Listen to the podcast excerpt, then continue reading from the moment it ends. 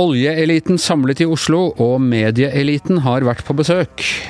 Og hvorfor får ikke Hongkong-demonstrantene mer støtte fra Norge eller andre land i Vesten? Dette er Giæver og gjengen, og det er den 26. november. Ja, eh, Tone Sofie Aglen og Hanne Skartveit, dere kommer med friske roser i kinnene, godt smurt av eh, oljebransjen fra et eller annet oljesymposium i dag. Eh, hva kan dere berette? Ja, det er, altså, er, er forholdene godt nok lagt til rette å, for det går så fint at det, Eh, De har det bra? de har det bra. Det er Equinor som har sin årlige høstkonferanse, hvor eh, Hva har Aftenposten forklart der? Jeg så De ikke hadde noe til. livesending. De hadde livesending. Nei, nei, nei, jeg vet, jeg vet ikke. Sikkert ikke. Kunne hatt. Kunne hatt. Nei, det er altså lederen for uh, Internasjonalt energibyrå som holder sin årlige tale på denne høstkonferansen. Hvor han tegner de lange linjene for energisituasjonen i verden. Det høres veldig tørt ut, men det er innmari spennende og veldig, veldig viktig. Og hvor lange er linjene for oljebransjen? Skal ikke den fases ut nå i, Ja, i løpet av de neste to-tre årene? eh, nei, det er ikke riktig. Verden trenger stadig mer eh, energi, men fornybardelen øker jo. Eh, Men det som var mest interessant synes jeg, og mest skremmende, var at også kullandelen øker. Vi bruker, verden bruker dobbelt så mye kull som for noen tiår siden. Eh, Og de eh, kullverkene som går nå, er snitt, de er ganske nye, i snitt tolv år gamle. Og levealderen på et kullkraftverk er altså 40-50 år. Så han sier at hvis ikke vi enten får til noe teknologisk eh, smarte ting, eh, CO2-fangst eller andre ting, hvis ikke vi får fiksa det på et eller annet vis, eller skrur av alle kullverkene, så klarer vi ikke å komme i nærheten av de klimamålene vi har satt oss. Og det var det som gjorde mest inntrykk på meg. Og du Tone Sofie, var det det som gjorde inntrykk på deg òg, eller? Nei, jeg må innrømme at uh, det som gjorde mest inntrykk, uh, var uh, maten. Maten, ja. ja det, det er hyggelig at For, nei, for det De er jo liksom vant til at når denne her type eliten samles, så er det langreist eh, antilope og struts og sånn som står på menyen. Utryddelsestruede dyrearter i olje. Ja, Ja. Og, men her var det altså bare vegetarmat. Eh, I tillegg så var det sånn eh. Queenia-frø og økologisk, og så var det tydelig at her, om de ikke klarer riktig alt på sokkelen, så skal de i hvert fall ta igjen det på Vi skal fortsette å pumpe opp olje og brenne av CO2 i 100 år til. Til gjengjeld så skal vi begynne å ha mer miljøvennlig mat. Ja, og det, Men det er egentlig utrolig sånn overraskende, for det viser litt hva som har skjedd i eh, debatten bare liksom siste åra, når Equinor sin sånn store eh, samling er bare vegetarmat og med masse sånn derre karse og, og den type ting. Og, og det, var en, det var jo en veldig sånn klassisk forsamling, for jeg tror aldri jeg har sett så mange menn i mørke dresser og blankpussa sko samla noen gang. Jeg har sånn, aldri følt meg så mm, fisk på land eh, noen gang, og heldigvis fikk jeg se et par ekspolitikere som har gått inn i oljebransjen og en avisredaktør, men ellers så var det en veldig sånn fremmed forsamling. Så det, så, men det var jo liksom klimaet som var liksom det som hang over eh, forsamlinga. Så var det også litt sånn morsomt å høre Klimakampen skaper rett og slett litt dårlig stemning på, på oljekonferansene. Ja, men samtidig så har vi jo sånn olje- og energiminister. Kjell Børge Freiberg holdt jo tale, og han var jo veldig tydelig på det der at eh, oljen er en del av løsninga, og det er helt uansvarlig å kutte den, og, og det var vel en uh, sjelden at han snakker til en så lydhør forsamling, tenkte jeg da. Samtidig så er det jo en klimaerkjennelse som jeg opplever er ganske sterk i oljebransjen også. Men og... er derfor de spiser og begynte å bli vegetarianere. Nei, men han, han eh, sjefen for eh, energibyrået er jo veldig tydelig på sin bekymring for klima. Og peker på åpenbare dilemmaer. Sier det er seks millioner elbiler i verden, men det, den andelen av biler som virkelig har dobla seg mer enn det, er jo SUV-biler, som har enorme utslipp. Så han på en måte satt litt i perspektiv hva vi gjør og hva vi ikke gjør. Og han er virkelig veldig veldig opptatt av det jeg var inne på med kull. Han sa at det er kjernen i hele klimadebatten, som får altfor lite oppmerksomhet. Vi holder på med mye småtjafs som, eh, som har stor symbolverdi, men ikke betyr noe særlig. Mens det som virkelig er den store brune elefanten i rommet, er kullet. Han pekte også på Afrika, som jeg også synes var veldig interessant, som jo fordobler sitt innbyggertall i løpet av de neste tiårene, og som får enormt behov for energi, som har store uutnyttede solenergi. De bruker bare 1 tror av det som er eh, tilgangen, muligheten for å få solenergi der, så ligger enorme muligheter muligheter er også. Men altså en verden i forandring, og det er det jeg syns er så fascinerende med disse foredragene med de store linjene hvor du ser liksom verden i energiperspektiv og skjønner at det er det som virkelig mye handler om, og kommer til å handle om i åra framover. Altså bare for å bevise at jeg har fulgt bitte lite grann med på det faglige programmet òg, ikke bare Ikke bare stå der over fuglefrøene. og, og de svartpussa skoene, så, så, var det jo interessant å se framskrivningene. Det, det, virker ikke som de som håper at det skal være kjernekraft som tar over, eh, har nok ikke så mange gode år å se fram til, men det er virkelig sol og havvind som de spår kommer til å være de to store. Men som man sier, det er noen ulemper med det òg, for det er jo særlig det her med lagring og at uh, den type energi ofte ikke er der den skal være til rett tid, som er utfordringa. Så det, det, kommer liksom ikke av seg sjøl. Han pekte på hvis alle ser på en fotballkamp om kvelden, det var vel i Frankrike, det var en landskamp uh, hvor man hadde basert seg mye på vind og sol. Og på kvelden når det var pause, så gikk alle enten i kjøleskapet og henta seg en øl, eller satte på TV-vannet, uh, skrudde på aircondition kanskje. Og da var det en peak, så da ble det veldig fall i energitilfanget. Så det er noen utfordringer der òg. Ja. Må, jeg vet ikke, Kan vi smøre pausene på fotballkampene liksom mer utover? Litt mer med olje? Ja, er det Smøre dem med olje, eller, eller, et eller annet sånt. Uh, er, det, er, det, litt provoserende rett og slett også at oljebransjen driver og liksom later som om de er bærekraftige ved å servere salatblader istedenfor uh, kyllinglår? Jeg syns jo det var veldig positivt, da. Ja. ja. ja. Du også, Hanne? Ja, enig. Og jeg, jeg, han pekte jo på hvordan polarisert den klimadebatten og energidebatten blir, og at det er veldig vanskelig å drøfte gode løsninger hvis alle ser hverandre som fiender. For jeg tror at det er mange folk i den salen som er genuint opptatt av klima òg. Ja. Eller hva tror du, Tone Sofie? Jeg er litt usikker. Jeg tror i hvert fall ikke det er veldig mange i den salen der som er veldig opptatt av vegetarmat. Nei. Men nå fikk de i hvert fall eh, prøvd det. Da fikk de seg en skuffelse i dag, men, eh, men eh, sånn er det. Kina innkaller USA ambassadør i forbindelse med Hongkong-lovforslag. Eh, de krever at eh, USA stanser kongressvedtaket som støtter Hongkongs prodemokratiske bevegelse. Dette er diktaturet som snakker til demokratiet, Per Olav Ødegaard. Vi krever vi krever at dere stopper det Kongressen allerede har vedtatt. Ja, og Hvis ikke så må dere ta konsekvensen av det, og det betyr jo antagelig at det ikke blir noe handelsavtale, sånn som Trump jo har eh, sagt at de nesten er ferdig med å skrive. En ny handelsavtale, i hvert fall en delavtale skulle være på plass. Det er det pressmiddelet som de har mot eh, Trump. Det er jo interessant, da, fordi det, nå hadde vi et, valg i, et lokalvalg i Hongkong på søndag, hvor et overveld, overveldende flertall altså Aldri har så mange deltatt i et sånt valg, 72 godt og vel. Og det var et helt, eh, helt utvetydig resultat, altså hvor et det massive flertallet stemte for på kandidater fra denne demokratibevegelsen. Og det, var, det er et helt tydelig signal eh, til Kina, eh, og også til omverdenen for øvrig, om hva folk i Hongkong ønsker. De står bak disse demonstrantene og disse store demonstrasjonene vi har sett i et halvt års tid nå. Og Så er jo spørsmålet hva Trump gjør med det. fordi den Er dette i the art of the deal? Kan det passe inn i the art of the deal?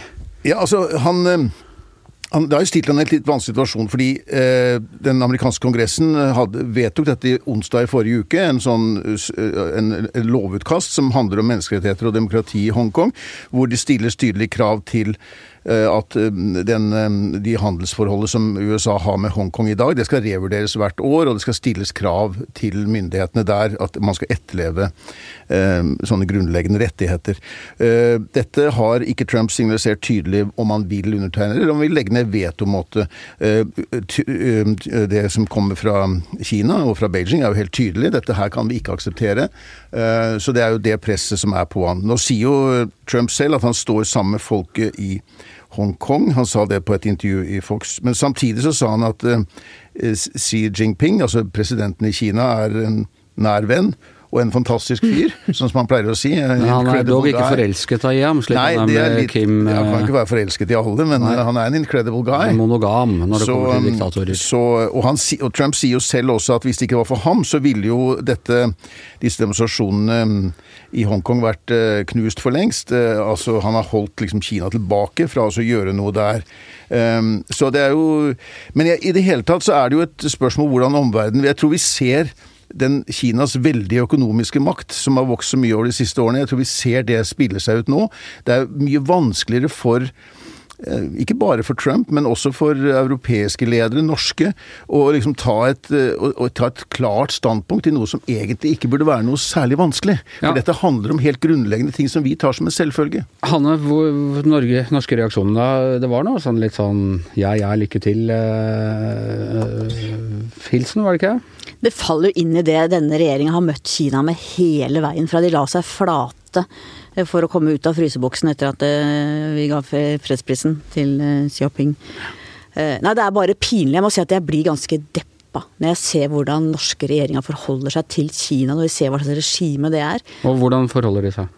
Nei, De legger seg for at de er livredde for å utfordre kineserne etter at vi endelig kom ut av den fryseboksen. De er livredde for å gjøre noe som kan støte kineserne. De våger ikke å si noe særlig om menneskerettigheter, de pakker ting inn. Eh, Og hvis det er ett land som kunne ha mulighet og råd til å stå opp og på en måte stå på prinsippene, så er det jo Norge.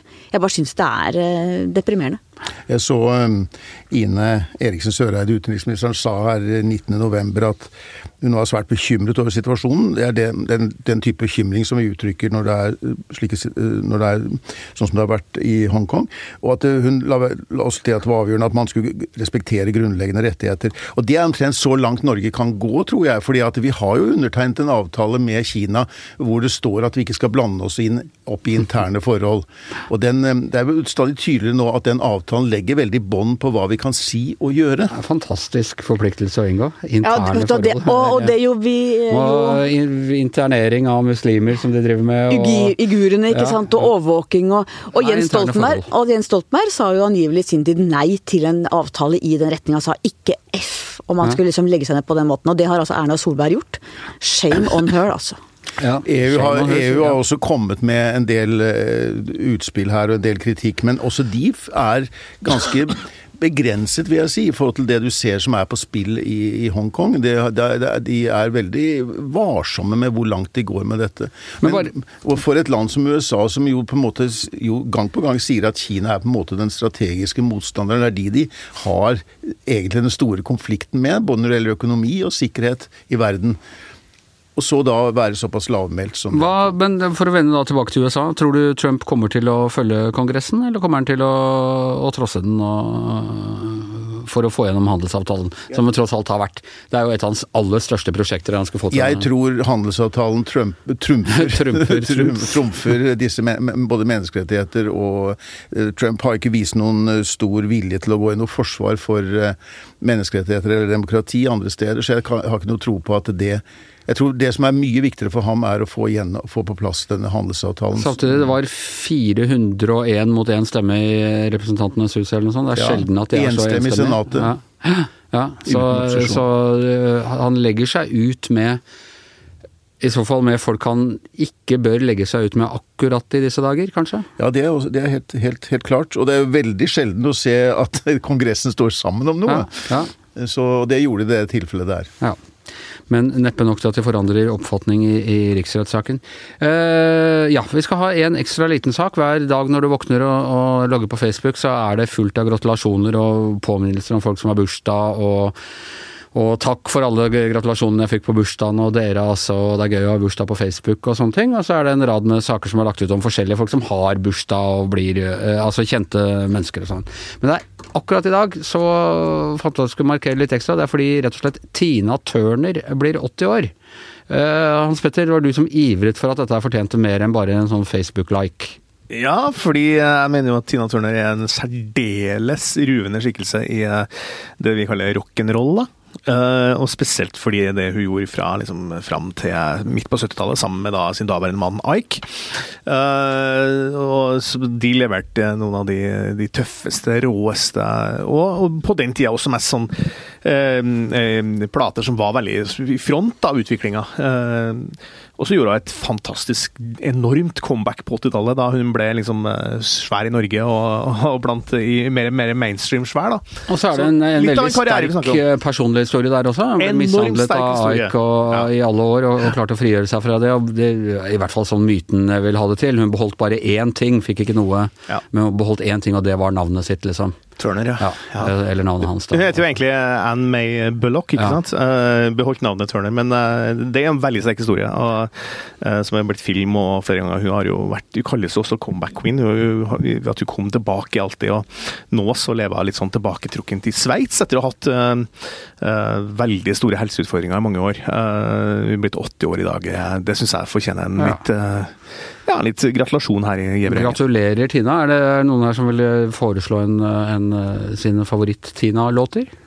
Eh, Hanne? Proud Mary syns jeg er utrolig Proud. Mary med Ja, ja, den er utrolig kul. Det er jeg helt enig i. Den er bedre enn med originalen med Creedence. Mye bedre og mye mer eh, Hun er mye mer Proud edge, Mary når hun, når hun synger den. Ja, da får du den psykedeliske tingen der i tillegg. Som helt, eh, Rolling on the river. Ja, og Ja, nei, jeg mener jo det er mange ting, altså. Herregud. Men uh, Nutbush City Limit, som er en av, kanskje hennes signaturlåt, er jo en av verdens tøffeste rockelåter. Og en av verdens beste låter å danse swing til. Ja.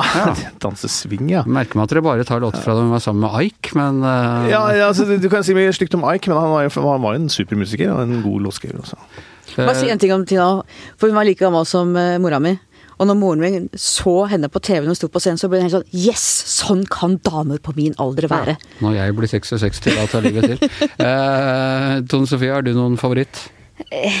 Ja, jeg er jo veldig svak for eh, River Deep Mountain High, for å ta enda en fra den, eh, de Mm, gode gamle ja, ja. Men eh, ok, jeg kan også nevne kanskje en av de beste Bond-låtene, da, Golden Eye, som Mm. jeg syns er en veldig tøff låt. Kanskje litt pompøs.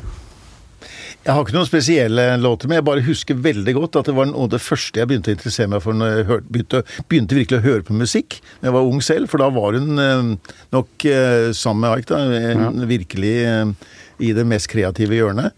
Og da hørte vi veldig mye på det. det er noen spesiell låt vil jeg ikke trekke fram fra det, men det var, det var veldig viktig akkurat i denne fasen der. Ja, og jeg skal ikke ta Got to Do men, men derimot Men denne lurer jeg på, etter at hun hadde stukket av fra Ike, det er jeg ikke helt sikker på, men i 75 så spilte hun jo i um, uh, rockeoperaen Tommy. Ken Russell lagde film av rockeoperaen Tommy til The Who, og der er hun The Acid Queen.